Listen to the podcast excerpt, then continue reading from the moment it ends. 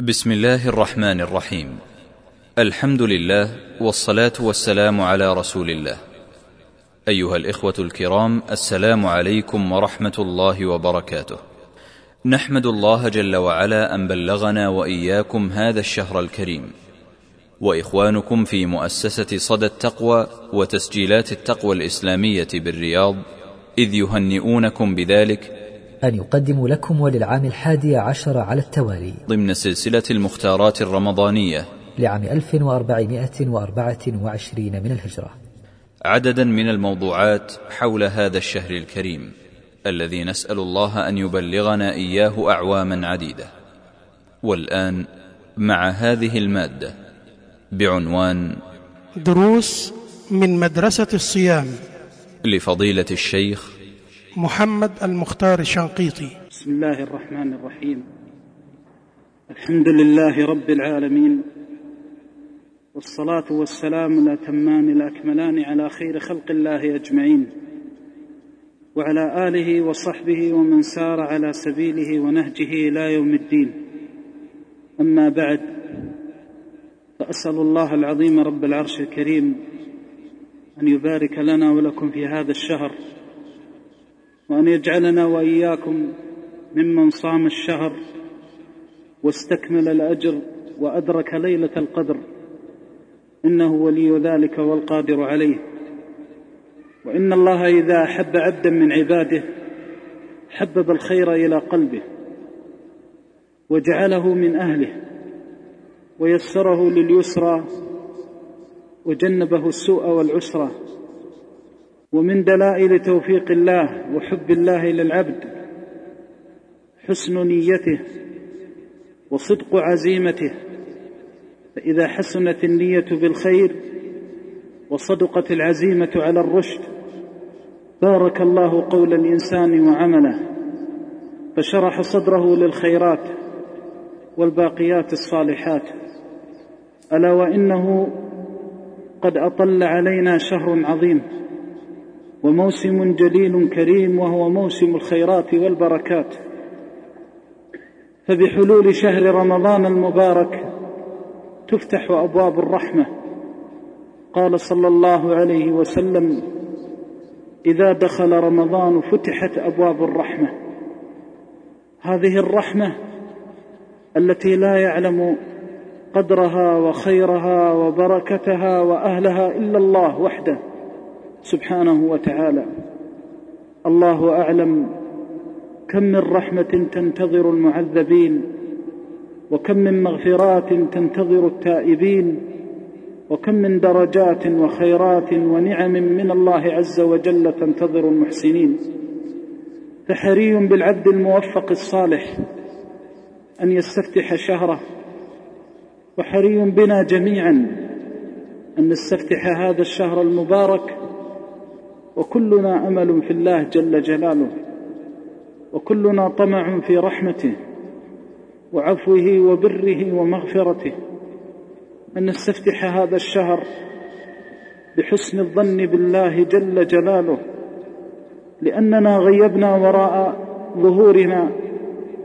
أياما مضت وأزمنة خلت لا ندري ما كان من سيئات وخطيئات.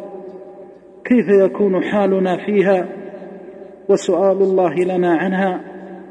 فنستقبل مواسم الخير. نرجو رحمة الله أن يخفف حملنا من الذنوب وأن يسترنا فيما بدر منا من العيوب وأن يجبر لنا الكسر وأن يعظم لنا المثوبة والأجر. ومن حسن ظنه بالله جل جلاله لم يخيبه الله.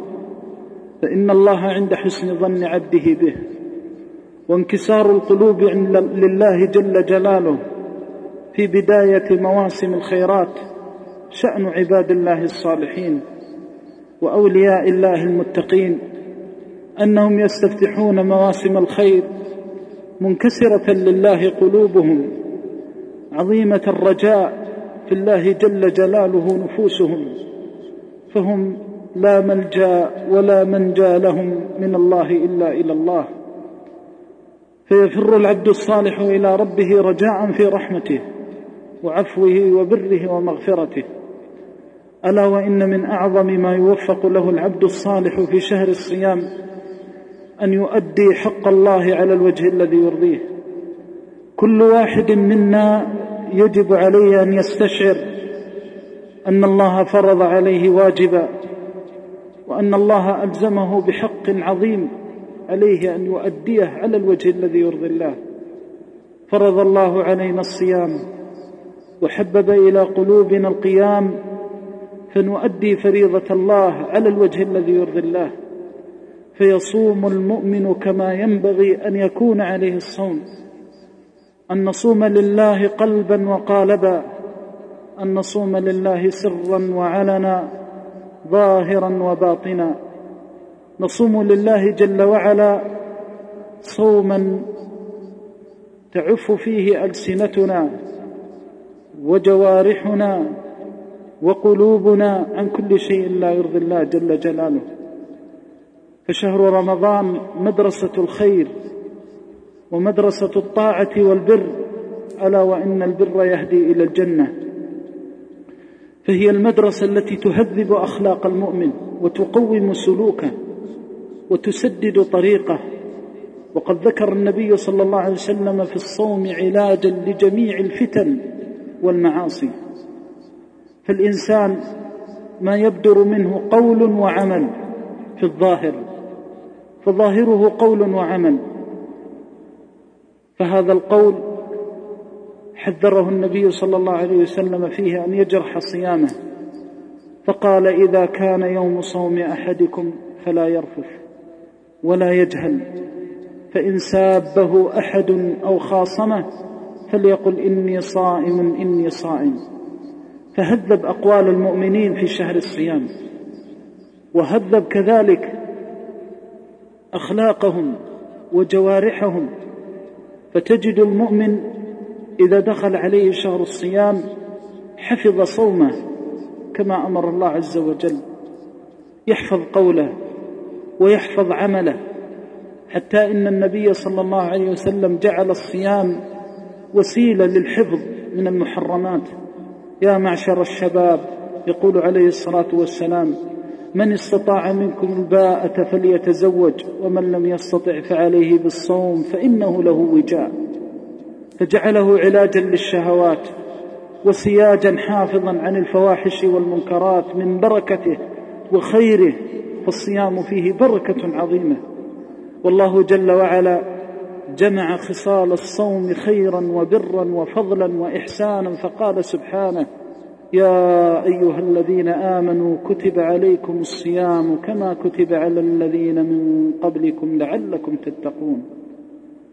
فمن أول يوم من شهر رمضان يقف المؤمن مع قوله ومع عمله يقف مع لسانه الذي طالما أرسله في عورات المؤمنين يقف مع لسانه الذي طالما أرسله في غيبة المؤمنين يقف مع لسانه الذي يسب ويشتم وكأن لسان حاله يقول يا لسان اتق الله.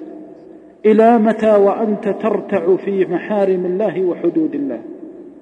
يقف المؤمن في بداية رمضان مع جوارحه وأركانه ومعاملته فيما بينه وبين ربه وفيما بينه وبين خلق الله.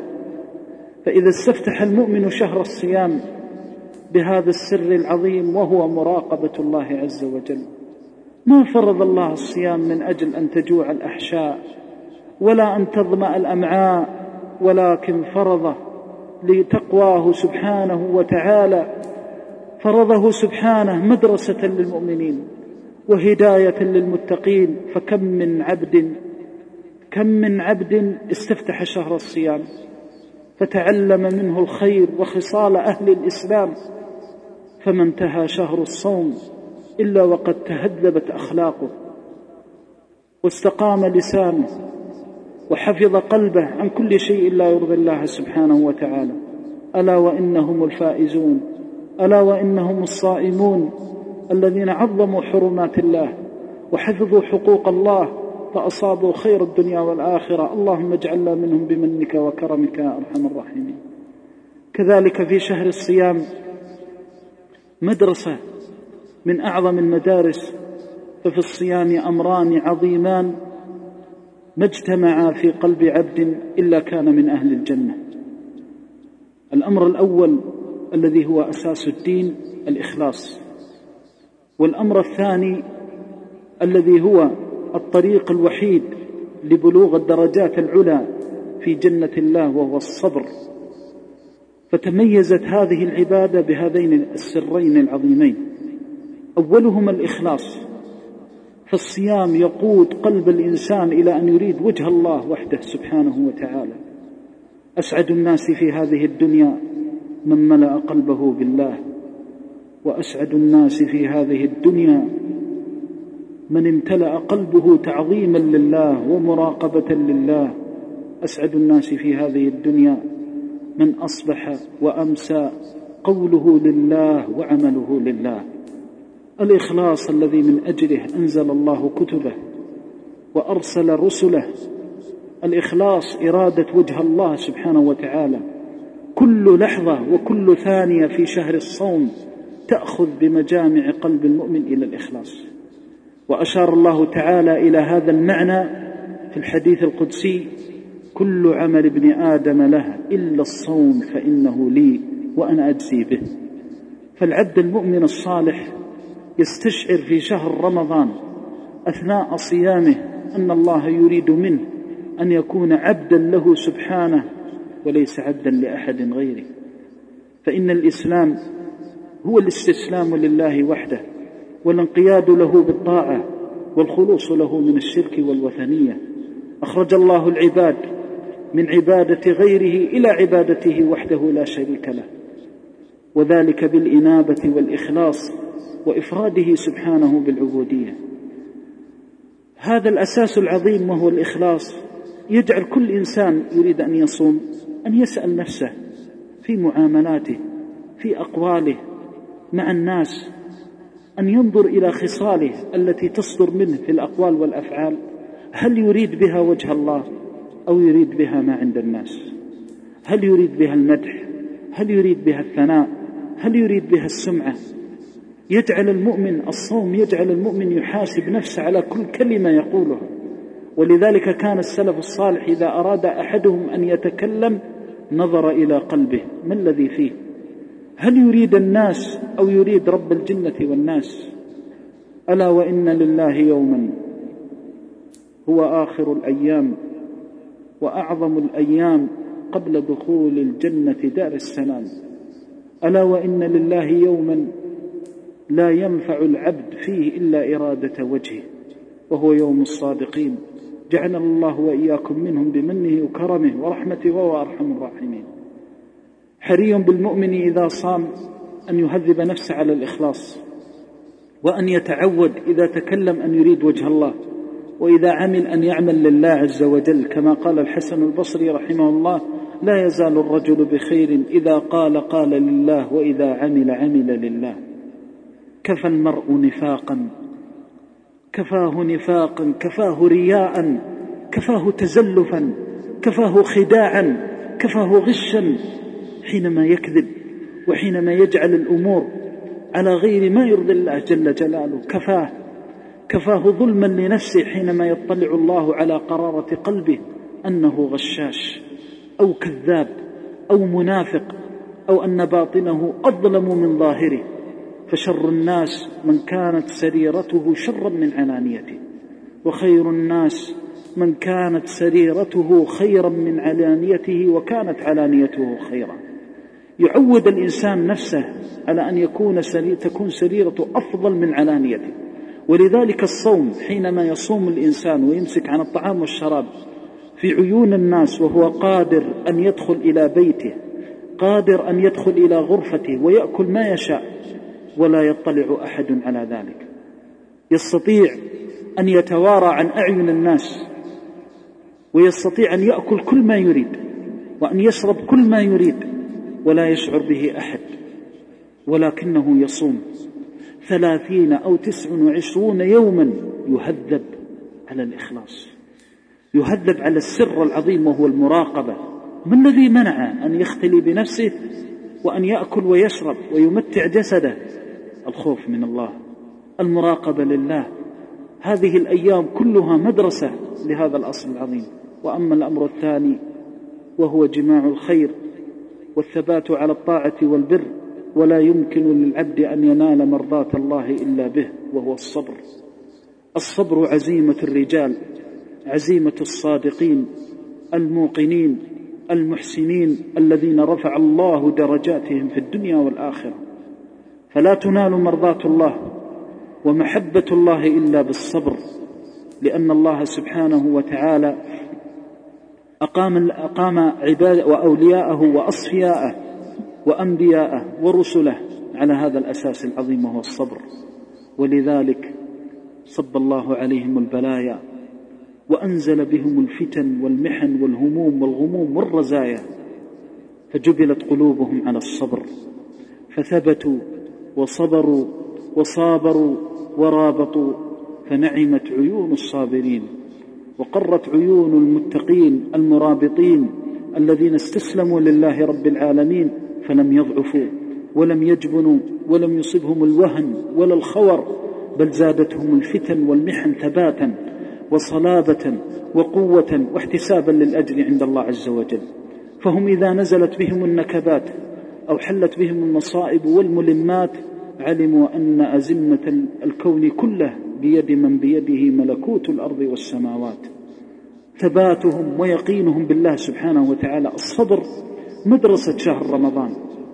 تجد الإنسان ينكف عن الصوم في صومه عن الطعام والشراب. وهذا من ألذ ما يكون للنفس وعن الجماع وهو من ألذ ما يكون من الشهوة للجسد ومع ذلك يحبس نفسه عن طعام وشراب أحله الله له وعن زوجة أحلها الله له ومع ذلك يمتنع عنها طاعة لله فحري والله لمؤمن آمن بالله وصام لوجه الله فعف عن الحلال أن يعف عن الحرام. وصبر عن الحلال بأمر الله حري به أن يصبر عن الحرام طاعة لله سبحانه وتعالى. الصبر مدرسة رمضان ولذلك سمي بشهر الصبر. والصبر الصبر على طاعة الله والصبر على بلاء الله. من أعظم منازل الصبر الصبر على البلاء والصبر على الطاعة. قال عمر رضي الله عنه وجدنا ألذ عيشنا بالصبر. وقال صلى الله عليه وسلم مبينا فضل الصابرين ومن يصبر يصبره الله. ولو لم يكن في فضل الصبر إلا أن الله عز وجل أثنى على أهله فقال والله يحب الصابرين. فشهد الله أنه يحب الصابرين. فإذا صمت في رمضان فتذكر في كل يوم أن هذه العبادة فيها سر وفيها أمر يحبه الله جل جلاله. يا ليت الصائم في كل لحظة فضلا عن ساعة تمر به يستشعر أن هذا الذي يعمله من الصبر على طاعة الله أنه يحبه الله جل جلاله. ومن استشعر ذلك هانت عليه الطاعات وهانت عليه المتاعب والمصاعب والمشاق. فإذا مر عليك اليوم الأول وأنت تستشعر هذا ومر عليك اليوم الثاني والثالث والرابع جبلت نفسك على الصبر على كل شيء يحبه الله عز وجل. والذي جعل كثير من الناس يدخل عليه شهر رمضان ويخرج ولا يغير شيء من حياته أنه غافل عن هذه المعاني غافل عما يراد به. فهو لو استشعر في كل لحظة أنه يعامل الله وأن الله يحب منه هذه الطاعة وأن الله سيتولى ثوابها ويستشعر في كل ما يمر به من زمن قليل أو كثير هذه المعاني قويت نفسه واستجمت روحه وعظم أجره عند الله عز وجل. ويقف المؤمن كل يوم في شهر رمضان. يقف في نهاية اليوم. قبل غروب الشمس يمر عليه يوم كامل. صحيح أننا في هذا الزمان مع وجود المكيفات ووسائل الراحة قد لا نستشعر. ولكن يوجد من يستشعر ذلك خاصة من عنده أعمال ومشاق. فإذا انتصف عليه النهار وبالأخص إذا كان الصوم في شدة الصيف والحر انتصف عليه اليوم فإنه يجد المشقة والعناء فتظمأ أحشاؤه وتجوع أمعاؤه فلا يزال يصبر ويكابد الصبر حتى يؤذن عليه العصر. فإذا أذن عليه العصر يأتيه الشيطان من كل سبيل ومن كل طريق ومن الناس من يأتيه من باب الرخص فيقول له أنت مرخص لك لا يكلف الله نفسا إلا وسعها. هذه مشقة هذا عناء هذا. فإذا صبر وصابر سيقف عند الغروب. وقفة يا ليت كل مؤمن يتأملها يا ليت كل مؤمن يقفها. إذا دنت الشمس من الغروب واشتعل في جوف الإنسان حر الظمأ وحر الجوع والعطش خاصة إذا كان في بيئة شديدة ووقف في آخر اليوم وستغيب عليه شمس ذلك اليوم وقد ضمئت أحشاؤه لوجه الله جل جلاله وجاعت أمعاؤه لله سبحانه وتعالى. يقف عند آخر ذلك اليوم وكأن لسان حاله يقول ذهب الظمأ وابتلت العروق وثبت الأجر إن شاء الله. هكذا في كل مصيبة تنزل بالأمة وتنزل بالأفراد والجماعات إذا عود الله عز وجل عباده المؤمنين على الصبر بهذه العبادة. فكلما اشتدت عليهم النكبات جاءهم الشيطان يزعزع إيمانهم ويزعزع صبرهم. أين النصر؟ وأين العزة للإسلام؟ وأين وأين؟ مثل ما أن الإنسان يقف في آخر اليوم قد خارت قواه وتعب بدنه وضعفت نفسه فإذا به يأتيه الفرج فتغيب عليه الشمس فيستكمل صومه ويستكمل أجره وتكون له العاقبة الحميدة من الله عز وجل.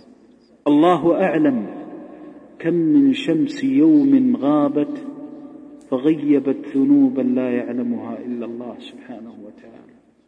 كم من عبد مسيء خطاء كثير الذنوب. كان لا يصوم ولا يقوم ولا يعرف ربه مسرفا على نفسه وإذا به يصوم مخلصا لربه حتى دنت شمس ذلك اليوم من الغروب فكشف لله همه وغمه فأقبل على الله تائبا راغبا طالبا ففتحت أبواب السماوات لدعائه. وسأل الله أن يعفو عما سلف من عمره وسأل الله أن يقيله من زلاته وهناته فأعتق من ذنوبه فغابت الشمس بخطاياه فعاد كيوم ولدته أمه. كل من ابتلي ببلية الصوم يعلم كل إنسان يصبر على أنه سيجد في آخر الصبر المرارة والشدة والضيق. هكذا تقف في آخر كل يوم لتعلم أنك إذا ابتليت بأي بلية بل حتى لو ابتليت الأمة جمعاء أنه ستمر أحوال شديدة حتى إن الإنسان قد يشك قال تعالى قد يشك في نفسه وفي إيمانه وأن الله يبغضه وأن الله يكره حتى صب عليه هذه البلايا. هكذا البلاء تجي تأتي فيه زلازل شديدة. قال تعالى هنالك ابتلي المؤمنون وزلزلوا زلزالا شديدا. وقال تعالى إذ زاغت الأبصار وهذا في الصحابة رضي الله عنهم. إذ زاغت الأبصار وبلغت القلوب الحناجر وتظنون بالله الظنون. وتظنون بالله الظنون. هنالك ابتلي المؤمنون وزلزلوا زلزالا شديدا. الصبر يعود كل صابر على القوة على الصبر. كل يوم أن الإنسان يقف قبل مغيب الشمس. المشكلة أن الناس اليوم في نعيم وترف ولا يحسون بمرارة الصبر وبمثل هذه الدروس العظيمة التي تهز نفوس المؤمنين. وكل يوم عود نفسك قبل غروب الشمس أن تسأل كم من ساعات مضت؟ وكيف ذهبت وكأن لم يكن شيء؟ ومن هنا تدرك بركة الطاعة وبركة الصبر على الطاعة وبركة الاستجابة لله سبحانه وتعالى والخير في محبة الله سبحانه وتعالى. تدرك أن المعاملة مع الله رابحة وأن العاقبة للتقوى وأن العاقبة للمتقين. شهد الله في هذا الشهر أنه طريق للتقوى. ولذلك واجب علينا جميعا في كل يوم إذا غابت الشمس أن نسأل أنفسنا ماذا استفدنا من خصال التقوى. وأن يسأل كل واحد نفسه ماذا استفدنا من خصال التقوى. وماذا أحيا الصوم في نفوسنا من المعاني السامية. من الناس. من إذا دنت الشمس من الغروب فطرت قلبه على الضعفاء والمساكين. فبمجرد أن يفطر يتصدق بمال. أو يخرج بمال عزيز عليه في قلبه صدقة لوجه الله جل جلاله. لأنه لما ظمئ وأدرك شدة الظمأ ومرارة الظمأ ووطأة الظمأ تذكر فقراء المسلمين وتذكر ضعفاءهم. فمنهم من يوفق لحفر الآبار ومنهم من يوفق لجلب الماء للعطشة ومنهم ومنهم وكل ميسر لما خلق له. ومن الناس من إذا وقف عند آخر يومه تذكر الضعف والبائسين فأبى إلا أن يطعم جائعهم وأن يكسو عاريهم وأن يكفكف دموع اليتامى وأن يجبر قلوب الأرامل والثكالى. نعم إنها مدرسة وأي مدرسة فحري بالمؤمن أن يستكثر من خيرها وبرها. ومن مدارس شهر رمضان أنه يحبب إلى الإنسان إلى قلب المؤمن ذكر الله عز وجل. ومن أفضل ما في شهر الصيام وكله فضل وخير أنه طريق للقرآن. ففي شهر رمضان تلهج الألسنة بتلاوة كتاب الله الذي لا يأتيه الباطل من بين يديه ولا من خلفه تنزيل من حكيم حميد. في شهر رمضان تعج مساجد المسلمين وتعج بيوتهم وتعج مجالسهم بذكر الله سبحانه وتعالى من تلاوة القرآن. أسعد الناس في شهر رمضان من عرض قلبه وقالبه على القرآن. أسعد الناس من وقف أمام القرآن لكي يسأل نفسه عن كل ما يكون منه ظاهرا وباطنا سرا وعلنا لكي يسمع. ماذا أمره الله؟ هل فعل أمره؟ وعن ماذا نهاه الله؟ هل اجتنبه؟ فإذا فعل ذلك طابت نفسه وصلحت أحواله. ومما يعين على هذه الأعمال الصالحة ومما يعين على هذه الأعمال الطيبة المباركة. من الوصايا التي كان يوصى بها؟ طبعا أولها الدعاء. تستفتح شهر رمضان فتتحرى مواطن الإجابة مثل عند فطرك. فإن النبي صلى الله عليه وسلم صح عنه أنه للصائم دعوة لا ترد عند فطره. فإذا دنوت من الفطر قل اللهم إني أسألك أن تبارك لي في هذا الشهر. سر ربك أن يعطيك أفضل ما أعطى صائما إذا صام. سر ربك أن يجعل هذا الشهر وسيلة وطريقة إلى صلاح قولك وعملك. ولا تغتر بما أنت فيه من الخير. دائما تحتقر نفسك وتسأل الله أن يرفع درجتك وأن يصلح من أحوالك وأن يسددك وأن يوفقك. فمن أعظم ما يعين على هذه الأعمال الصالحة كثرة الدعاء. وثانيا مما يعين على الفوز بشهر رمضان.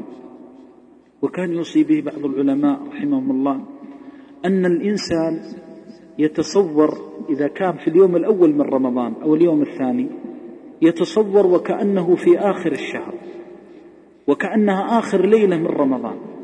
أو كأنها آخر يوم وكأنه آخر يوم من أيام رمضان. ماذا يتمنى؟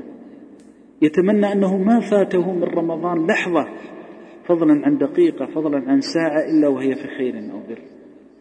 ومن هنا دائما حتى في قيام الليل بعض الصالحين يقول آه، أنام أول الليل على رجاء أن أقوم آخر الليل. ويريد الله سبحانه أن تنام عيني فلا أستيقظ إلا قبل الفجر بربع ساعة أو عشر دقائق. فيتفطر قلبي حزنا وندما وألما وأنا أعلم أن الله سيكتب لي أجر القيام. ولكن حينما أقوم وأفعل القيام حقيقة ليس كما لو كتب لي أجرا. لأنه يحب أن يناجي ربه يحب أن يقف بين يدي ربه.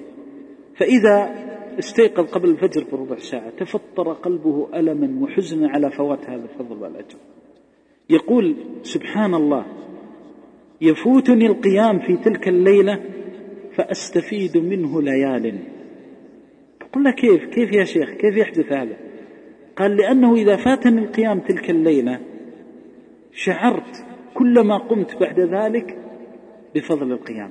لأنه إذا استيقظ قبل الفجر بساعتين ثلاث أحس بقيمة الساعتين والثلاث لأنها قد فاتته. ففوات الخيرات يذكر بفضلها ويذكر بأجرها وخيرها وبرها. فالإنسان إذا أحس أنه في آخر رمضان أو أنه في آخر يوم من أيام رمضان هذا إذا كان قلبه يقظا ونفسه يقظة القلب الحي هو الذي يتأثر. فالإنسان إذا كان في آخر يوم من, من أيام رمضان آه، وأراد الله أن يحيي قلبه من أصعب الساعات في رمضان آخر ساعات شهر رمضان. ما يقف إنسان مؤمن كامل الإيمان في آخر ساعة من رمضان؟ ولو أنه صام رمضان وقامه والله لا يقف إلا وقلبه متفطر من خشية الله سبحانه وتعالى. لأنه مهما عمل من الأعمال الصالحة فهو مقصر. فإذا وقف في آخر ساعة يحس أنه قد سبقه السابقون وأنه قد فاته الفائزون وأنه أحقر من أن ينال فعنده يتفطر قلبه. أن ليت ويتمنى أنه في أول الشهر حتى يستكمل ما فاته من الخير والأجر. هذا الشعور أنك كأنك في آخر يوم من رمضان يحرك قلبك إلى أن تزداد بكل خير. ومن هنا قالوا فوات الفرصة. يعني الإنسان إذا استشعر أنه قد فاتته الفرصة يعين على صلاح العمل. استشعار فوات الفرص كما قال بعض السلف كان من أكثر الناس عبادة. صواما قواما قيل له كيف بلغت هذا المبلغ؟ ماذا تفعل بنفسك؟ فقال رحمه الله إني صورت نفسي أمام الجنة. فقلت يا نفس ماذا تشتهين قالت أشتهي أنني في الدنيا أزداد من العمل حتى أنال أعلى الدرجات في الجنة. ثم صورت نفسي وكأنني أمام النار. أنظر إلى سعيرها وأغلالها وجحيمها فقلت يا نفس ماذا تشتهين؟ قالت أشتهي أن أعود إلى الدنيا فأنجو من عذاب الله. فقلت يا نفس ها أنت في المهلة. الإنسان الذي يستشعر أنه قد فاته رمضان يعرف قيمة رمضان ويستشعر أنه في آخر يوم من رمضان يعرف قيمة العمل في رمضان. فهذه من الأسباب التي تعين على اغتنام رمضان. كذلك من الأسباب التي تعين على حياة النفس وحصول الخير والبر في شهر الصيام والقيامة مما يوصى به في شهر رمضان الفرار إلى المساجد. والأنس بها والأنس بالله عز وجل فيها. يفر المؤمن من ضيق الدنيا إلى سعة الآخرة. ما من عبد مؤمن بالله محسن في عمله. يدخل بيتا من بيوت الله. إلا تولت الدنيا وراء ظهره. والله لو أن عليه هموم الدنيا. فبمجرد أن تطأ قدمه المسجد ويضع قدمه في بيت الله عز وجل إلا تولت عنه همومه. وغمومه وفتحت له أبواب الرحمة من ربه. فالمساجد بيوت الله عز وجل بيوت أذن الله أن ترفع ويذكر فيها اسمه يسبح له فيها بالغدو والآصال رجال لا تلهيهم تجارة ولا بيع عن ذكر الله. وإقام الصلاة وإيتاء الزكاة تفر إلى بيوت الله. ولذلك أثر عن السلف رحمهم الله أنهم كانوا إذا دخل عليهم شهر رمضان فروا إلى المساجد. وقالوا لا نفسد صيامنا ولا يفسد أحد علينا. أي يفرون إلى المساجد يتلون فيها كتاب الله عز وجل يخافون أنهم لو رجعوا إلى بيوتهم أن يحصل اللغو والرفث. وإذا خالطوا الناس ربما حصل اللغو والرفث فيحرص الإنسان على المساجد ويأنس فيها ويدمن ذكر الله عز وجل فيها. كذلك أيضا مما يعين على اغتنام شهر رمضان غشيان حلق الذكر وكثرة سماع القرآن وكثرة سماع المواعظ. ومحبة العلماء والقرب منهم والأنس بهم والعمل بما يوصون به. فإنه ليس المهم أن تسمع المواعظ وليس المهم أن تسمع المحاضرات ولكن الأهم الأهم كل الأهم أن تعمل بما يقال. لأن الله يقول ولو أنهم فعلوا ما يوعظون به لكان خيرا لهم أشد تثبيتا وإذا لآتيناهم من لدنا أجرا عظيما ولهديناهم صراطا مستقيما. العمل بالمواعظ فالذي يريد أن يغتنم شهر رمضان يستمع إلى النصائح والوصايا ويطبقها. الوصية الأخيرة التي يوصى بها آه نتواصى بها جميعا من بعد الصيام الحرص على قيام شهر رمضان. الحرص على قيام الليل وإحياء الليل ما أمكن خاصة في العشر الأواخر. تأسيا بالنبي صلى الله عليه وسلم فهذا الشهر فرض الله صيامه ورغب في قيامه. فقال صلى الله عليه وسلم من قام رمضان إيمانا واحتسابا غفر له ما تقدم من ذنبه. فقيام رمضان مغفرة للذنوب وقيام رمضان خير وبركة.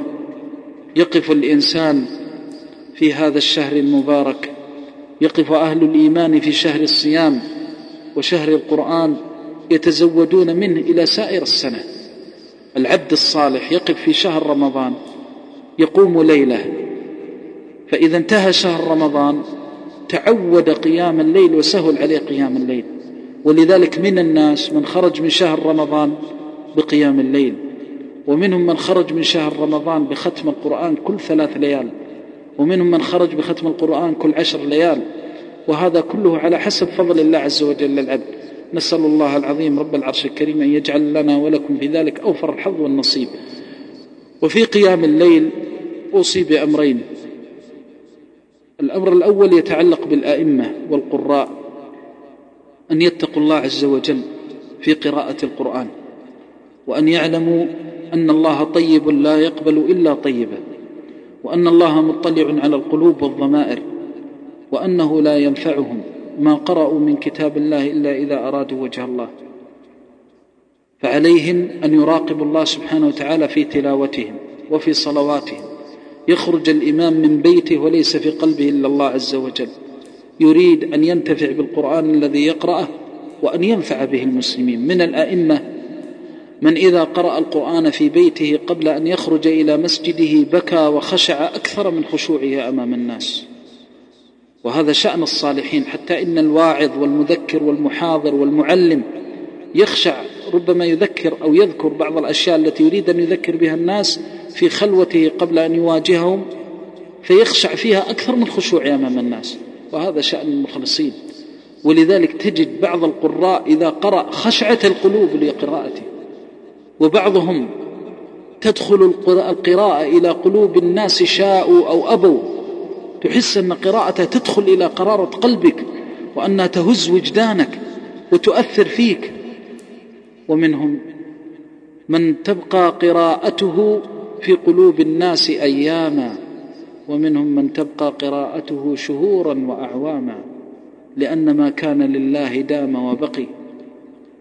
ولقد أدركنا بعض القراء الصالحين فعجبت من أناس من كبار السن الذين أدركوهم يقول سافرت إلى بلد كذا فصليت وراء الشيخ فلان وكان من أئمة القرآن فوالله فوالله أخشع قلبي وتأثرت من قراءته ولا زلت يقول لا أنسى تلك القراءة.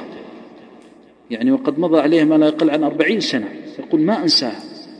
ومنهم من دخل مسجدا ذات يوم كان هناك رجل قارئ للقرآن من أعبد الناس فكان يحبه رجل كان يذكر بخير هذا الرجل صالحا من طلبة العلم وفتح عليه في تلاوة القرآن فكان إذا تلا القرآن خشعت الناس من تلاوته بكاء يبكي من تلاوة القرآن وكان في آخر عمره لا يبرح المسجد كثير الصيام كثير القيام فيه عبادة.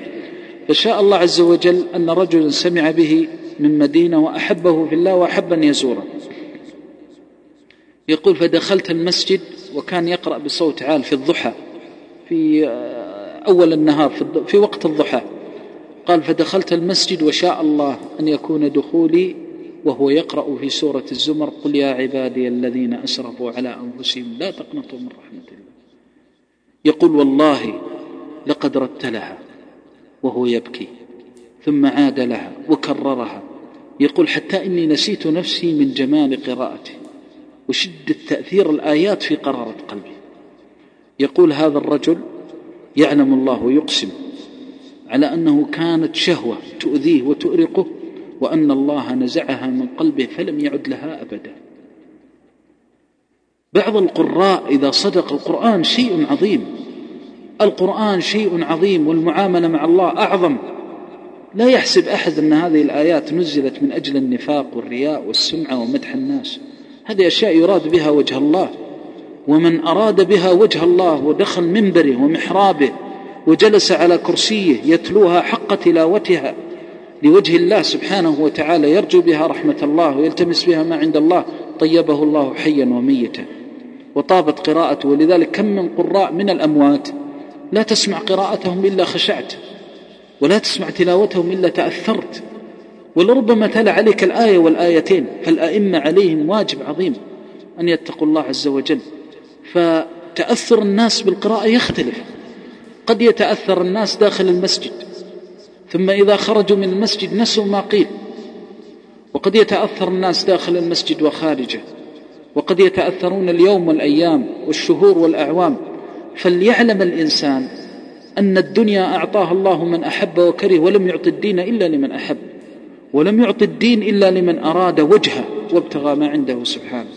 فليعلم كل إمام إذا أراد أن يخرج أنه لن يجني من خروجه إلا ما أراد به وجه الله عز وجل. الدنيا فتنة وكثرة المصلين وكثرة المهنئين وكثرة الراغبين وكثرة الأتباع فتنة ولكن من عامل الله لا يبالي بشيء من ذلك.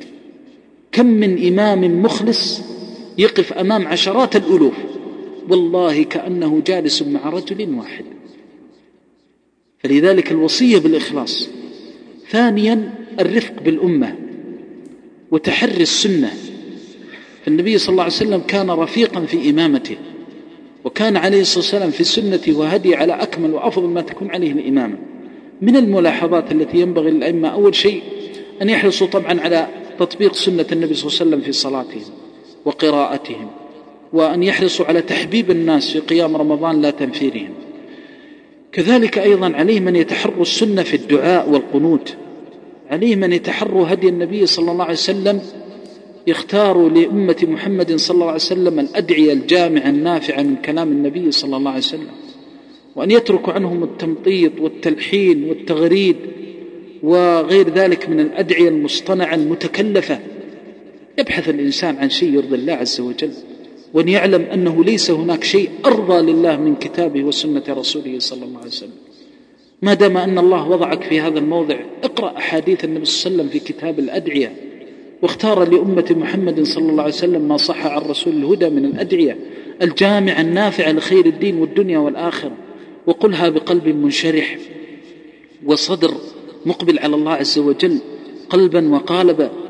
أما الذي يعني يشتكي منه بعض طلبة العلم ويشتكي منه العلماء أيضا أن الإمام يقف يصلي بالناس يدعو في في قنوته ووتره فإذا به يصيح ويلغط ويتكلف في البكاء ويتصنع في التباكي وهذا شيء يزري بالإمامة ويزري بالصلاة ويخرج الناس عن الخشوع والمنبغي تحري السنة ما أمكن. الصلاة إذا وافقت سنة النبي صلى الله عليه وسلم طابت ولن تطيب بغيرها. والدعاء إذا وافق سنة النبي صلى الله عليه وسلم حري أن يستجاب. والدعاء إذا وافق سنة النبي صلى الله عليه وسلم حري أن يقبل. والدعاء إذا وافق سنة النبي صلى الله عليه وسلم لن يرفضه قلب يؤمن بالله واليوم الآخر. لأنه من أجمع الدعاء وأفضل الدعاء وأطيب الكلم مما قاله صلى الله عليه وسلم. هذه من الأمور التي يوصى بها. كذلك يوصى الأئمة بالحرص على فتح الدروس والمواعظ والكلمات المؤثرة للناس في شهر رمضان. يحرص الإمام على أن يجعل له درسا آه، يذكرهم فيه بالله عز وجل. يختار الآيات المؤثرة والأحاديث. يختار من سنة النبي صلى الله عليه وسلم وسيرته مواقف معينة. يقف عندها يتأثر في نفسه ثم يؤثر في الناس. آه، يختار الوقت المناسب والكلام المناسب القول البليغ كما قال تعالى وقل لهم في أنفسهم قولا بليغا الذي يبلغ به الإنسان ما يريد. كذلك أيضا يختار الأسلوب المقبول عند الناس وجماع الخير كله في تقوى الله عز وجل. فمن اتقى الله وقاه وآخر ما أوصي به في هذا المجلس المبارك في اغتنام شهر رمضان الحرص كل الحرص على بر الوالدين وصلة الرحم. فبر الوالدين وصلة الرحم من أعظم الأعمال التي تنتهي بالعبد إلى سعادة الدنيا والآخرة فيحرص كل إنسان على بر والديه. إذا كان الوالدان أمواتا اجتهد في الدعاء والترحم على والديه والدعاء لهم بالمغفرة وذكرهم في صيامه وذكرهم عند فطره وذكرهم في قيامه. تذكر فضل أبيه وأمه فضل والديه تذكر حتى ولو كان يتيما. تذكر أباه الذي هو أفقر ما يكون إلى دعوة صالحة له ويتذكر موتاه من القرابة فيدعو لهم ويستغفر لهم سل نفسك كم من أخ لك وأخت وكم من عم وعمة وكم من خال وخالة ومن آل كل والقرابة من, من الذين ذكرتهم في دعائك؟ وهل جلست ليلة من الليالي تتفقد قرابتك وهم محتاجون إلى دعوة صالحة منك؟ فتدعو لضالهم أن يهتدي وللفاسد منهم أن يصلح وللشقي منهم أن يسعد وللمهموم والمكروب أن يفرج الله كربه وللمريض أن يشفى. نحن في غفلة عن أشياء كثيرة ولذلك من أسباب الرحمة أن ترحم. ففي شهر الرحمة وفي شهر الخير تذكر قرابتك. أن تدعو للضال بالهداية من كان حيا وتدعو لوالديك بحسن الخاتمة إذا كانوا أحياء وتدعو لهم بصلاح الحال. هذه أمور مهمة جدا لأنك إذا صليت صلاة وصلت فيها رحمك وصلك الله جل جلاله. وإذا وصلت رحمك في سجودك وفي مضان الإجابة أنعم الله عليك. فالله عز وجل أخذ العهد على نفسه أن من وصل رحمه وصله الله. وليست هناك صلة أعظم من دعوة صالحة. تدعوها فيستجاب لك لرحمك. من أعظم الصلات أن تدعو لرحمك فنسأل الله بعزته وجلاله أن يرزقنا وإياكم فعل الخيرات وترك الفواحش والمنكرات. اللهم بارك لنا في هذا الشهر العظيم.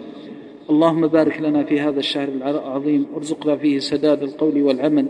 اللهم اجعلنا ممن صام الشهر واستكمل الأجر وأدرك ليلة القدر.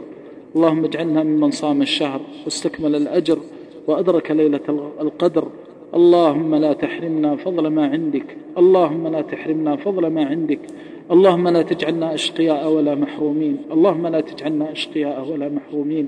وآخر دعوانا أن الحمد لله رب العالمين. صلى الله وسلم وبارك عليه الله إليكم فضيلة الشيخ. وأجزل لكم المثوبة والأجر. فضيلة الشيخ يقول السائل هل تكون نية الصوم فقط في بداية رمضان أم في كل ليلة؟ أثابكم الله. بسم الله الحمد لله والصلاة والسلام على خير خلق الله وعلى آله وصحبه ومن والاه. أما بعد هذه المسألة فيها قولان جمهور العلماء على أنه يجب أن يبيت الصوم في كل ليلة من رمضان. واحتجوا بما صح عن النبي صلى الله عليه وسلم أنه قال من لم يبيت النية بالليل فلا صوم له. وذهب الحنفية رحمهم الله إلى أنه إذا صام أول شهر أن, النية تكفيه لصيام الشهر من أوله. قالوا لأن شهر رمضان ظرف لا يسع غيره. والصحيح ما ذهب إليه الجمهور بظاهر النص والله تعالى أعلم. أثابكم الله. فضيلة الشيخ يقول السائل هل إذا صليت التراويح كاملة مع الإمام ثم نمت في الليل فهل الأفضل أن أكتفي بصلاة التراويح أو أصلي قبل الفجر أيضا؟ أثابكم الله. إذا أردت أن تزداد من الخير وقمت آخر الليل فازدد من الخير لا بأس بذلك ولا حرج. فإذا صليت مع الإمام فهذا قيام ثم إذا قمت في آخر الليل وعندك نشاط العبادة وأردت أن تصلي فخير على خير وبر على بر والله تعالى أعلم. أثابكم الله فضيلة الشيخ يقول السائل إذا أخذنا بعض التبرعات من بعض المحسنين وذلك لوجبات الإفطار في شهر رمضان واشترينا بها طعاما للإفطار فإذا وزعنا هذه الوجبات نقابل أبناء هذه الأسر فيأكلون الوجبة أو بعضها فما هو العمل في مثل هذه الحالة؟ ونحن نعرف أن هذه الأسر محتاجة والناس يدفعون أموالهم ابتغاء فضل أجر تفطير الصائم ونجد من يأكلها دونهم. فماذا تنصحنا؟ أثابكم الله. أولا آه، وقبل كل شيء قبل السؤال هذا من نعم الله عز وجل وجود الإخوة الذين يحتسبون في إفطار الصائمين ويحتسبون في دلالة الأغنياء على حاجة الفقراء والضعفاء فهؤلاء نسأل الله أن يبارك جهودهم وأن يجزيهم عن الإسلام والمسلمين وضعفة المسلمين كل خير. آه، الجمعيات الخيرية والمحتسبون من طلبة العلم وغيرهم الذين يحتسبون في شهر رمضان دعوة الناس للصدقة عامة وخاصة. هؤلاء لا شك أنهم على ثغر من ثغور الإسلام وهم يسقطون الإثم عن كثير من الأمة. فجزاهم الله كل خير. ونسأل الله عز وجل أن يعيننا وإياهم أن يرزقنا وإياهم الإخلاص والقبول. والأمر الثاني أوصيك أخي الكريم أوصي كل من يتقلد مسألة التبرعات. أولا لا يجوز دعوة الناس لتبرع. ما لم تعلم من نفسك أنك ستوصل هذا التبرع الذي تكلمت عنه ودعوت إليه على الوجه الذي تكلمت عنه. إذا قلت سأفطر الصائمين معناه أن تعلم من نفسك أنك ستفطر الصائمين ولن يصرف شيء من هذا المبلغ في غير ما خص الصلاة إذا قلت إنني سأشتري ثيابا تعلم أنك ستصرف هذا المبلغ فيما طلبت. المهم أنك إذا دعوت غنيا أن يعطيك مالا وأعطاك المال صدقة لوجه مخصوص من وجوه البر لا تدعو إلا وأنت على ثقة أنك توصل المال والأمانة كما ينبغي. لأن هذا المال أمانة وخصومك أمام الله جل وعلا هؤلاء الضعفاء والفقراء. إذا قلت سأوصل المال للأيتام فوالله ليتعلقن برقبتك أيتام المسلمين. وإذا قلت إنه للأرامل ليتعلقن برقبتك أرامل المسلمين بين يدي الله عز وجل. ولو قلت للمديونين والمعسرين فكلهم خصومك بين يدي الله عز وجل. عممت أو خصصت. إذا ما ما هو المخرج؟ المخرج كالآتي. إما أن تحدد طاقتك. تعلم أن هذا العمل الخيري يحتاج إلى ثلاثة آلاف ريال. فحينئذ لا تأخذ أكثر من ثلاثة آلاف ريال. المشكلة فتح أبواب التبرع دون انضباط ودون تحري ودون يعني شعور بالمسؤولية أمام الله عز وجل. هذه أمانة. إذا كان تستطيع أن تصرف في حدود ألف ريال لا يجوز لك أن تأخذ ما زاد عنها. ثم بعد ذلك إذا أنت تعلم أن هذه الصدقات في حدود خمسمائة ريال وتأخذ ألف وألفين وثلاثة ثم تقول ماذا أفعل بالزائد؟ أنت السبب. السبب أنك دعوت وقلت أنك ستقوم بهذا الأمر فالواجب عليك أن تحدد وجوه الصرف. هذا أول شيء. الأمر الثاني إذا جاء أحد يتبرع رحمك الله قل له إن عندي مشروع تفطير الصائمين وهذا المشروع أو هذا عندي خمسة بيوت ستة بيوت يوجد في هذه البيوت أطفال وأناس لا يصومون. ربما أنني أنحرج وربما أنني أعطي الأسرة وأنا أقول لك هذه الأسرة تقول للغني أنا أقول لك هذه الأسرة فيها سبعة أشخاص البالغون منهم خمسة مثلا واثنين من الأطفال البالغون ثلاثة وأربعة من الأطفال ولكنهم محتاجون. فأنا أقول لك تقول للغني أريد منك مال لتفطير هذه الأسرة والزائد صدقة عليها تخرج من التبعة تخرج من المسؤولية. أن تقول له عندي أناس يفطرون على هذا المال وعندي أناس يأخذونه من باب الصدقة العامة فما زاد سأتصدق به. حينئذ تخلو من المسؤولية. تقوم وتفطر الصائم والزائد تعطيه على سبيل البر والصدقة. هذا الواجب عليك. أما إذا أعطاك الغني من أجل تفطير الصائم فلا يجوز لك أن تصرف بغير تفطير الصائم. هذا أول شيء. وثانيا إذا قال لك تفطير الصائم تتقيد بما يفطر به الصائم. ما تزيد على ذلك. ومن هنا نجد يعني نوع من الإسراف والغلو. المساجد تبسط فيها موائد يعني فوق الحاجة ولربما يعني زائدة عن الحاجة. المسجد يعلم أنه يفطر فيه مثلا خمسين يوضع ما طاقة المئة ثم الزائد يرمى ليعطى للغير. يا أخي بدل هذه المئة الموضوعة في مسجد مستغني. خذ على قدر المسجد. خذ على قدر المحتاجين في المسجد واجعلها سفرة خاصة بالضعفاء والمحتاجين. واصرفها إلى مساجد أخر هي محتاجة. أو على الأقل إذا كان الغني أعطاك عشرة آلاف ريال وأن تعلم أن السفرة يكفيها ألفان ريال قل له أريد ثمانية آلاف ريال أعطيها لمديون ومعسر وأعطيها لأناس أحوج من هذا. فينبغي النصيحة للأغنياء. وأنا أوصي الحقيقة طلاب العلم أن لا يشتغلوا بالتبرعات إلا عن خبرة ومعرفة. وأفضل أن يكون الاشتغال بالتبرعات تحت الجمعيات الخيرية لأن الجهود الشخصية هذه أضاعت كثير من الخير. ولا أقول هذا تحجيما للخير لكني أعرف من خلال أسئلة الناس وفتاويهم. الشخص يأتي ويأخذ من الغني مئة ألف ريال لباب من أبواب الخير يوجد ما هو أحوج وأشد ماسة أشد حاجة ماسة جدا. يعني تصوروا الآن رجلا يأخذ من غني يأتي إلى غني ويرغبه في الخير. الغني وضع برنامج خير يتصدق في حدود مئة ألف ريال.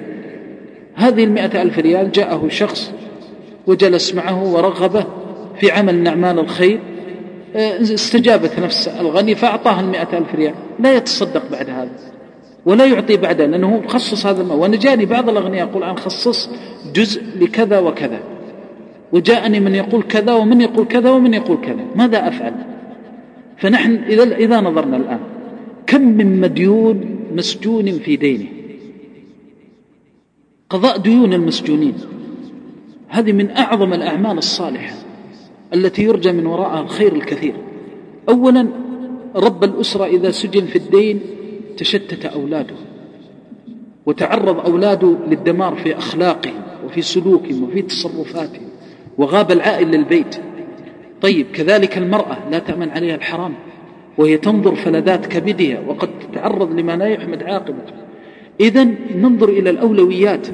يأتي شخص إلى غني ويقول له والله نريدك تفطر الصائمين.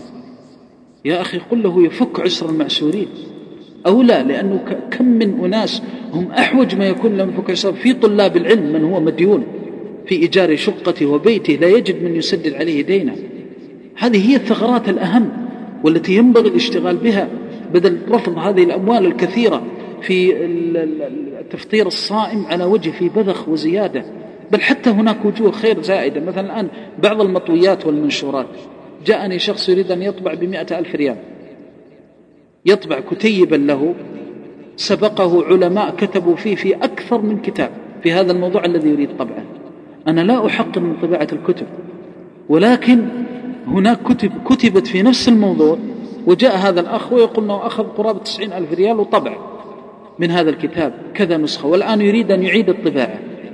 يسأل كل واحد منا نفسه عن مكتبته في بيته التي اشتراها بالنقود وهو طالب علم. أسألكم بالله من منا قرأ الكتب التي في مكتبته؟ من منا الذي قرأ الكتب الموجودة عنده في المكتب حتى ننظر إلى عوام الناس حينما نعطيهم منشورات ويرمونها. وتطبع المنشورات بعشرات الألوف ثم ترمى. نعم المنشورات لها أثر ولها واقع لكن الغلو والتوسع. علينا أن نضبط هذه الأشياء. ولذلك لما تكون هذه الأشياء منضبطة عن طريق جمعيات خيرية عن طريق أناس مرتبطين بأهل العلم ذوي بصيرة. يكون خير كثير. وإلا تذهب صدقات المسلمين على أبواب هي من الفضع عما تصرف عما هو أحوج. وعلى كل حال نرجع إلى أصل سؤالنا وهو أنه إذا دعي إلى التبرع ينبغي على كل شخص أن يتقيد بتبرعه. ثم علينا أن نترك الارتجال. المسجد الواحد توجد فيه أربع صفر. ويختصمون ويتقاتلون. لو أنهم انضبطوا عن طريق إمام المسجد. وأصبحت هذه الصفر ترتب عن طريق إمام المسجد. المشكلة أن الشخص حينما تقول له إذهب إلى إمام المسجد كل منا ما يريد أحد يوجهه أو كذا. خلاص أصبح هو باب خير لابد بنفسه يقوم به. ما ينبغي هذا. لو أن نرجع إلى أئمة المساجد ونرتب معهم ونعرف شدة حاجة المسجد والإنسان يشاور إخوانه ويشاور أهل العلم فهذا الذي أوصي به الإخوة القائمين. ولا أشك أنهم يريدون الخير. أحسبهم ولا أزكيهم على الله. وكل ما نقول هذا لا ينقص من قدرهم ولا ينقص من هذه الصفحات البيضاء المضيئة المشرقة التي نجدها في مساجد المسلمين.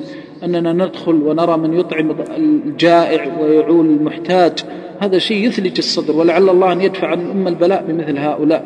نسأل الله أن يجزيهم عنا خير الجزاء وعن المسلمين وأن يتقبل منا من منا ومنهم وهو أرحم الراحمين. وآخر دعوانا أن الحمد لله رب العالمين وصلى الله وسلم وبارك.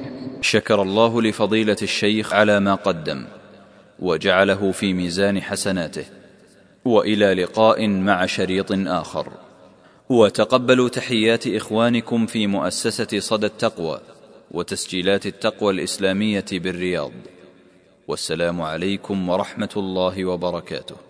بموجب فهرس تسجيلات التقوى فإن رقم هذا الشريط هو 14128